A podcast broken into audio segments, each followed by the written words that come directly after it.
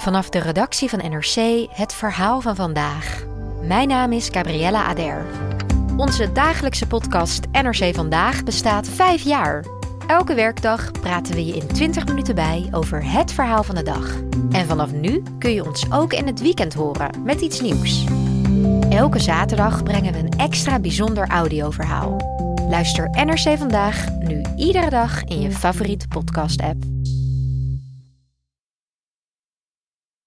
Een geallieerde soldaat die geen schuilplek heeft. Een jonge, bange nazi-soldaat en een vrouw uit het Franse verzet die neergeschoten piloten redt. Exact 80 jaar geleden, op die day, begon de bevrijding van Europa in Normandië. In Radio Oranje volgen we deze drie hoofdpersonages en wat zij beleefden op die ene dag.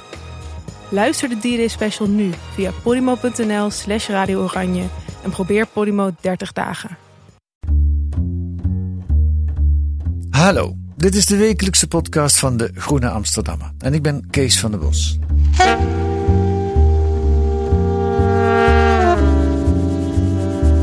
Ik weet niet hoe het voor jou zit, maar ik word een beetje moe van de vaccinatiediscussie.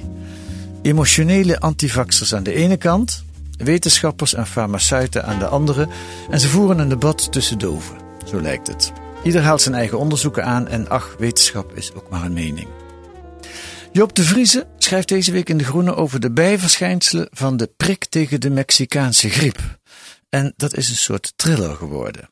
Hoe een vaccin onder hoge druk werd ontwikkeld, iets te vroeg op de markt kwam en vervolgens bij ongeveer 1300 mensen narcolepsie veroorzaakte. Narcolepsie, dat is een soort slaapziekte. Is die narcolepsie het gevolg van het vaccin? Heeft de farmaceutische industrie informatie achtergehouden? Zijn er ook wetenschappers die zelf niet goed omgaan met hun data en onrust zaaien? Iedereen vindt dat het terugkijkend allemaal goed gegaan is en toch worden de procedures veranderd. Hebben de tegenstanders van vaccineren soms toch gelijk? Dag Job, welkom in de podcast. Dankjewel.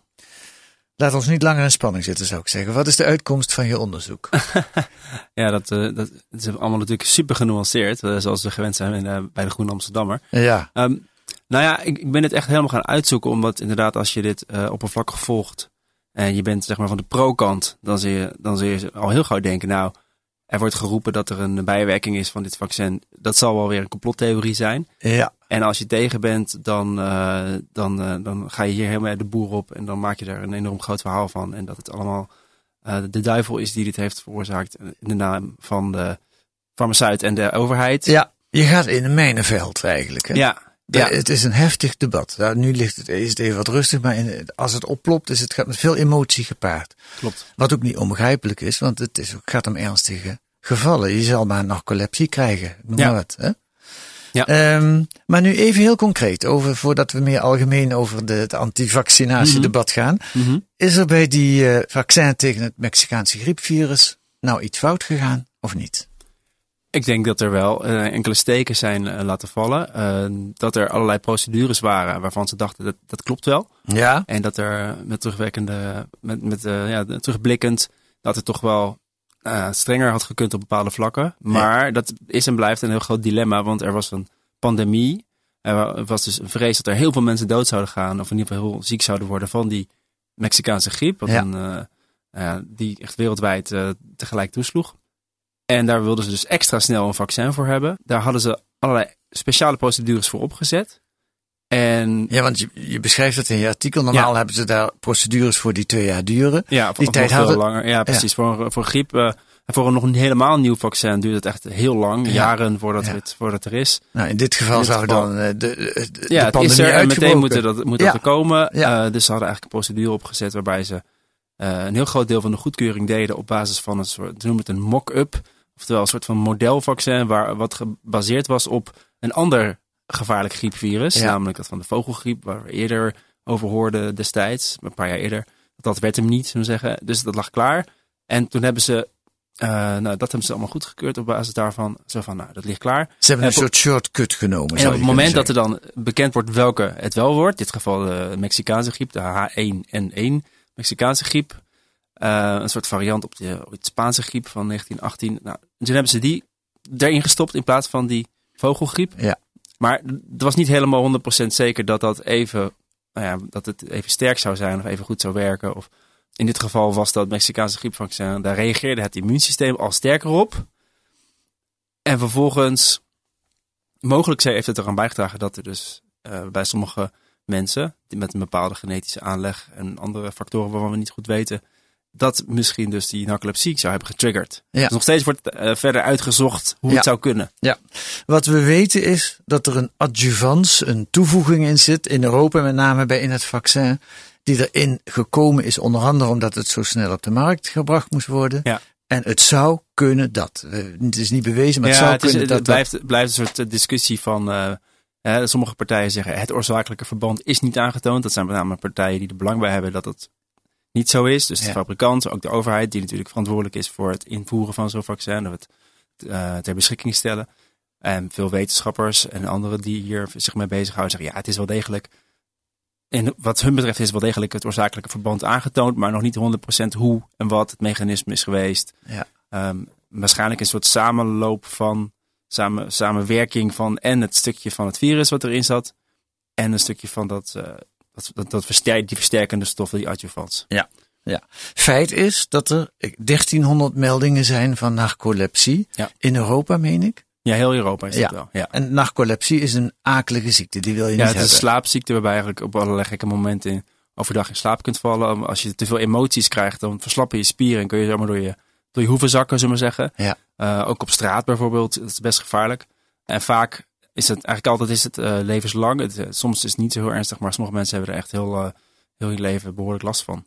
En voor de duidelijkheid, die 1300 meldingen zijn gelinkt aan het vaccin. Er zijn veel meer mensen die, of meer mensen die narcolepsie hebben, maar deze 1300, daar denken we van dat het komt door het vaccin. Ja, die hebben wel allemaal dat vaccin gehad. Ja, ja. Eh, nou, we hebben het al behandeld. Dat zou door dat adjuvans toevoeging kunnen komen. Want in de Verenigde Staten zat dat er niet in. En daar Ja, Canada. Ja, nee, klopt. In de Verenigde Staten niet. In Canada zat het er wel in. Ja. Daar was het dan ook weer niet. Dus het lijkt ook een interactie te hebben met het virus zelf. Ja, het is dus dat maakt het nog ingewikkeld. ingewikkelder. Ja. In Zweden en Finland is het echt eh, een ding geworden. Daar Mhm. heeft de pers is er ook opgesprongen. eh grote artikelen in de kranten. Waarom daar wel en niet in andere landen? Er zijn een aantal redenen. Eentje is dat in een aantal landen, niet Nederland, maar wel Zweden en Finland, werd het aan heel de ge- populatie, dus heel, aan iedereen, werd het beschik- ter beschikking gesteld en gegeven. Ja. Ehm, in Zweden bijvoorbeeld kreeg 60% van de hele bevolking zo'n beetje ongeveer, zo'n beetje allemaal tegelijk dat vaccin. Dat is natuurlijk en een heel hoog aantal. En ze hebben in- die landen ook nog eens een keer een hele goede registratie. Eh, mensen weten goed waar ze zich moeten melden wanneer er iets is. Waardoor dus alles opgepikt wordt, zullen we zeggen. Meer dan in veel andere landen. In Nederland hebben we ook wel zo'n systeem. Maar bij, bij ons werd het aan minder mensen tegelijk gegeven. Alleen aan kinderen, meen ik. Hè? Ja, in dit geval alleen mensen, of alleen kinderen tot vijf jaar. Ja. En een ander verschil is waarschijnlijk dat in Zweden en eh, Finland op dat moment net die griep er was. En dat eh, kinderen die dan net die griep hadden gekregen, maar er niet echt ziek van werden, dan de prik kregen. En dat ze dan vervolgens daardoor dat het waarschijnlijk getriggerd zou zijn. Ja.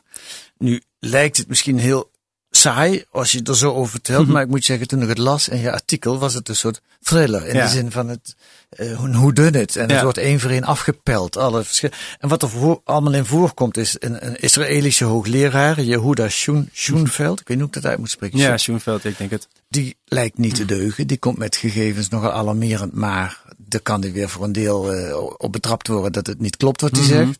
Ja. Maar ook het British Medical Journal, Mhm. toch niet te verdenken van. van eh, Ja, van antivax sentimenten. Nee. Ja. daar schrijft een zekere Peter Doshi dat hij denkt dat de farmaceutische industrie veel meer wist dan ze zeggen, dat ze gegevens achterhouden.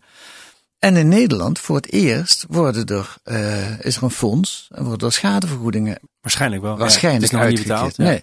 En dan denk je, eh, ik als antivaxer denk dan, oh, dat deugt voor geen meter. Als ze Mhm. schadefonds, ze zeggen wel het kan geen kwaad, maar ze doen wel een schadefonds. Ja, Mhm.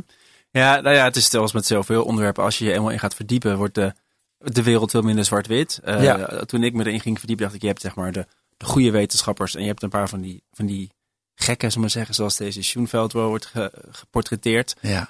Ehm, op het moment dat je erin gaat verdiepen, dan is dat natuurlijk allemaal veel grijzer. En bekijken, volgen ze me allemaal, elkaar allemaal. Ja. Eh, moet je, en dan wordt, het, dan wordt het dus heel spannend om als journalist te gaan kijken wie ga ik wel en wie ga ik niet.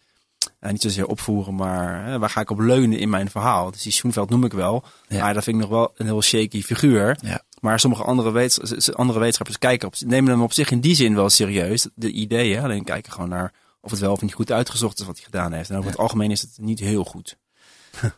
Kortom, de conclusie is, er is best wel een redelijk aantal mensen met narcolepsie. De 1300 in Europa, dat is niet niks. Ook al is het op eh, 1 op de 100.000 of 1, ligt er een beetje aan welke, welke getallen je neemt.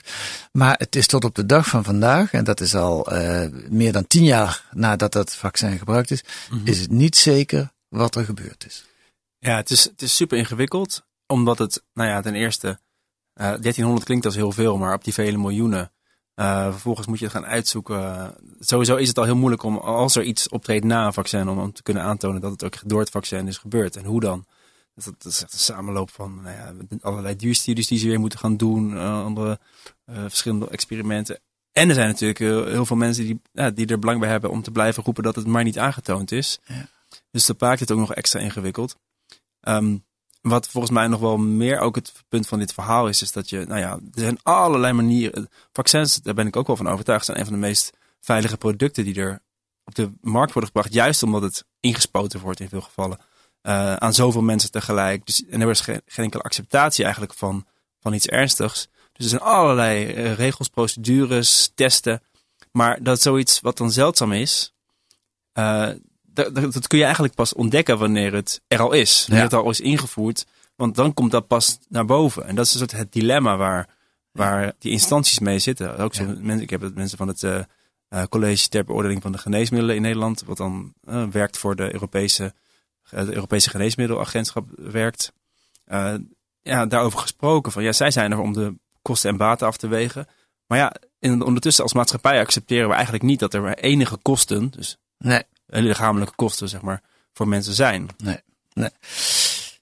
Oké, okay, even uh, de, tot zover over het Mexicaanse, het vaccin tegen de Mexicaanse griep. Even wat uitzoomen naar het hele vaccinatiedebat. Mm -hmm. En ik wil even kijken naar jou. Jij bent Job de Vriese, jij ja. bent wetenschapsjournalist. Ja. Uh, dus voor jou is dit uh, appeltje eitje. Jij houdt hiervan. Nou ja, ik hou er wel van, maar ik vind het ook wel tegelijkertijd ook wel echt een uitdaging.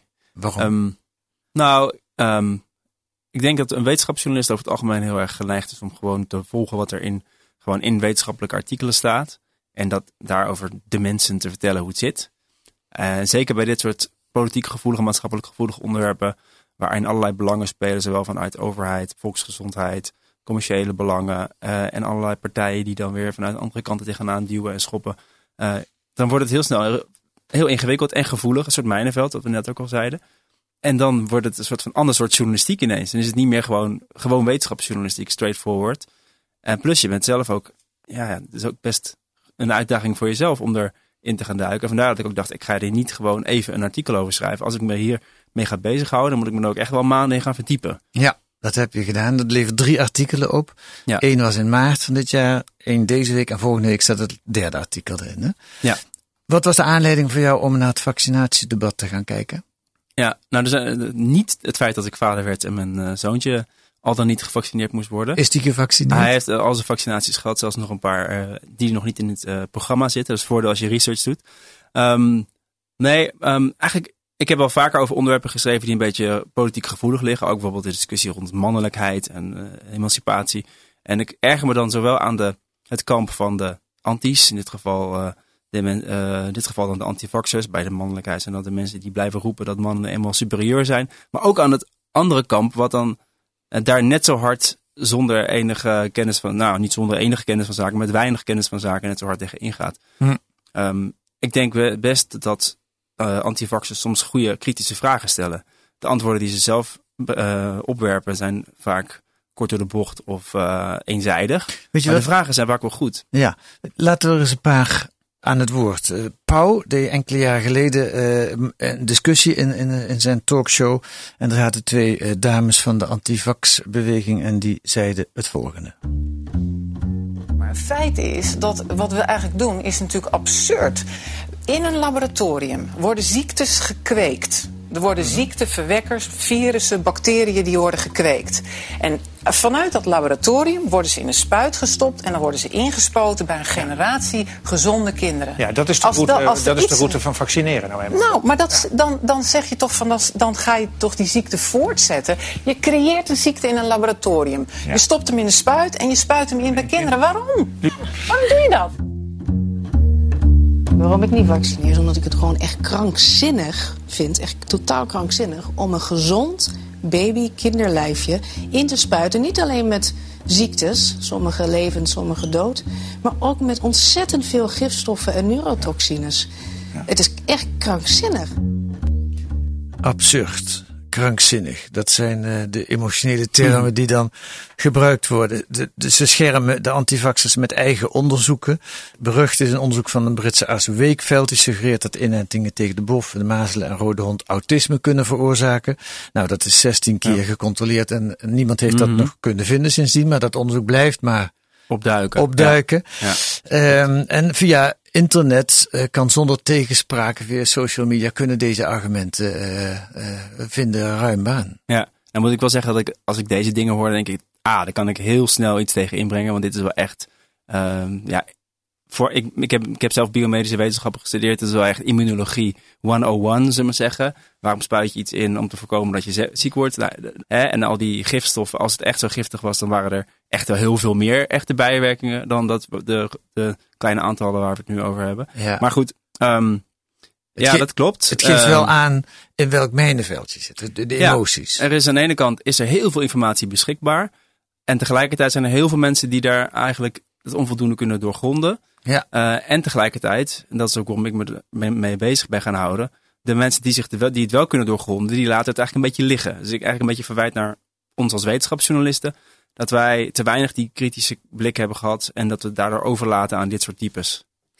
Aan de andere kant heb je ook kritiek van mensen, ja, ik zal maar zeggen van binnenuit. Zo is er Ronald de Groot, emeritaat is die inmiddels, maar hij was kinderarts, meen ik, als ik het goed Ja, zeg, aan het Radboud ziekenhuis. Hij zat in de, in de vaccinatiecommissie van de Gezondheidsraad en in januari van dit jaar hield de Tweede Kamer een hoorzitting Ja. over de vaccinatiediscussie en meneer de Groot zei dit. Mijn kritiek richt zich op het beleid betreffende advisering over vaccins door de Gezondheidsraad. De kwaliteit van adviezen is onvoldoende. Er is een jarenlange achterstand in rapportage. Er wordt onvoldoende rekening gehouden met internationale ontwikkelingen. Besluitvorming vindt plaats aan de hand van criteria die revisie behoeven. De verslaggeving van de vergaderingen is niet transparant. De agenda wordt bepaald door VBS en de voorzitter van de Gezondheidsraad en niet door de leden van de vaste commissie vaccinaties. Het gevolg hiervan is dat vaccins, en dat heeft u al gehoord van mijn buurman, die sterkte, ziekenhuisopnames en blijvende schade voorkomen, niet of te laat aan kinderen en volwassenen worden aangeboden. Meneer de Groot vindt eigenlijk dat het te lang duurt voordat vaccins worden aangeboden, maar Ja. desalniettemin heeft hij forse kritiek. Wat vind je daarvan? Ja. Nou, ja, ik, ik vond hem voor mijn, in mijn eerste stuk eh, gaat het ook heel erg daarover. Dat ging echt over het, het vaccinatiebeleid en het Rijksvaccinatieprogramma.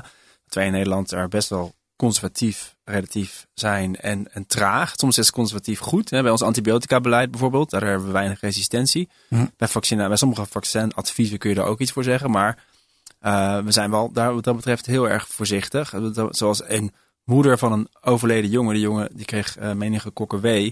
Um, uh, het uitdrukte. En dat zijn haar woorden, maar ik kan me daar wel in vinden op zich. Dat, dat zijn eigenlijk een soort boekhouders. Ze, echt, ze hebben een papieren e epidemiologische statistische werkelijkheid. En ja. ondertussen zijn er gewoon oplossingen, zijn er vaccins die, uh, die, die er niet zijn. En er is ook, zolang het niet in het systeem zit, is er ook geen enkele informatie over. En als jouw zoon eraan doodgaat, dan ben je daar woedend over. Ja. Nou, ja. ik, ik, ik zat ook even over na te denken in aanleiding van uh, dit, deze podcast. Waar gaan die verhalen van mij nou over? Waarom interesseert mij dit nou zo? Er, er zijn gewoon heel vaak wel spanningsvelden tussen de volksgezondheid, dus wat het beste is voor iedereen, en de individuele gezondheid. En wat nou, de mondige al dan niet patiënt of ouder, uh, wat daar het beste voor is. En dat kan soms te maken hebben met een vaccin wel of niet krijgen. Soms ja. kan het zijn dat het over bijwerkingen gaat. Je hebt daar ook persoonlijke ervaring mee. Hè? Vijf jaar geleden heb je met je vrouw een artikel geschreven in NRC over een uh, doodgeboren kindje. Ja, Uh, over onze eigen zoon. En of, ja. naar aanleiding daarvan. En dat is ook wel, dat is een beetje vergelijkbaar. Ja, dat het, dan kijk, kijk je ook naar van we hebben dat beleid, het sowieso in elkaar, is van afstand iets voor te zeggen, maar bekijk het van dit perspectief en dan klopt er eigenlijk helemaal niks van. Ja. Er is ook nog kritiek, bijvoorbeeld Hans van der Linden, een gekend criticus van de farmaceutische industrie. Die, uh, dat gaat dan weer over het Is huisarts, hè? Is huisarts. Ja. Maar die, die, heeft, uh, die documenteert zich uitvoerig en die, die uh, roert zich in de discussie, ook over vaccins. En bijvoorbeeld het antigriepvaccin, waar, waar wij, ik ben al boven de 65, mm -hmm. elke winter voor ingeënt mogen worden ja. als we dat willen. Ja. Onzin, zegt hij. Nergens voor nodig. gekkigheid. Ja.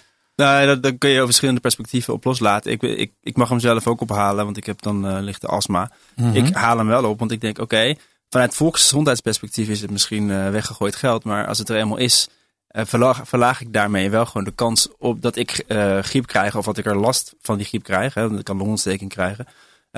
dus ja, dan neem ik het toch maar gewoon wel. Ja. Ja, Omdat maar, het ook een heel veilig vaccin is. Ja, maar je begrijpt, voor de antivaxers zijn dit dankbare mensen om aan te halen. Ja, zeker. Ja, maar dat is ook de realiteit van nu. We moeten ook niet onze mond houden om uit angst voor die antivaxers. Nee. Het gebeurt ook iets te veel. Dat is volgens mij samenvattend ook pleidooi wat ik haal uit jouw drie artikelen.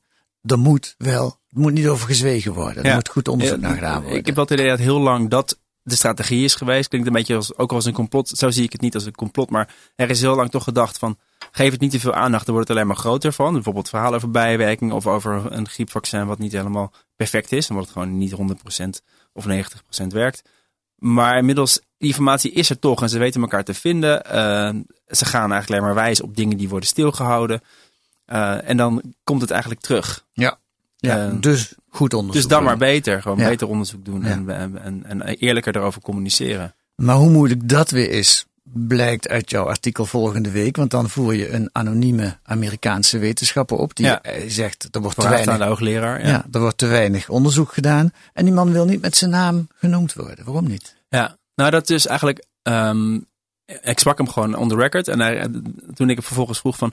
Ja, maar hoe komt het dan dat eigenlijk bijna geen geld gaat naar dat onderzoek? Uh, en dat jullie in 2011 een heel rapport hebben geschreven met advies. Uh, hoe het beter kan.